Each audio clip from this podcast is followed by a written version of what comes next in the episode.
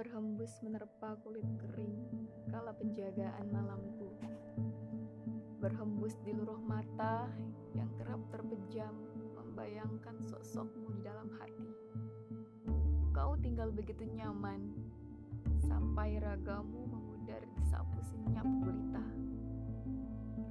Tepat di bawah terang bulan dengan aura sejuk sepanjangku duduk di kursi kayu sendiri tanpa ditemani seseorang sebagai subjek di sisiku hanya tersedia metafora rumit sebagai pelipur lara dan hiperbola sebagai pelengkap bahwa aku masih baik-baik saja dalam senyum. Masih terlihat tangguh dalam koyakan sepi. Hanya di sini bersuasana temaram, sisa-sisa hujan yang daun selokan depan teras mana teduh melengkapi hati yang berangan. Seolah itu aku. Daun tersebut hanyut di aliran mana ia akan menuju. Aku ikut saja ke mana arus kehidupan membawaku. Karena ini kehidupan, aku mencoba menerima apa yang terjadi. Serta tak selalu aku harus melawan arus.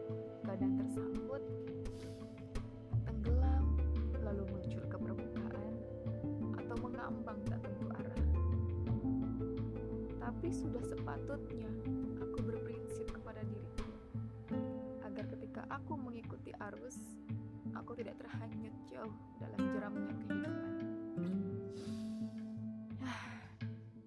Sesekali ku terdengar suara kendaraan yang lewat serta serangga yang berbunyi nyaring sebagai bukti bahwa aku masih hidup sebagai makhluk sosial yang tak hilang dalam lingkungan.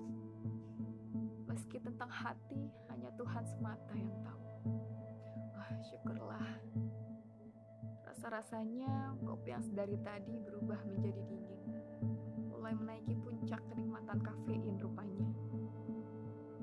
Terkadang rasa dan karakter bagi kalangan penyair adalah sebuah kenyataan hiperbola.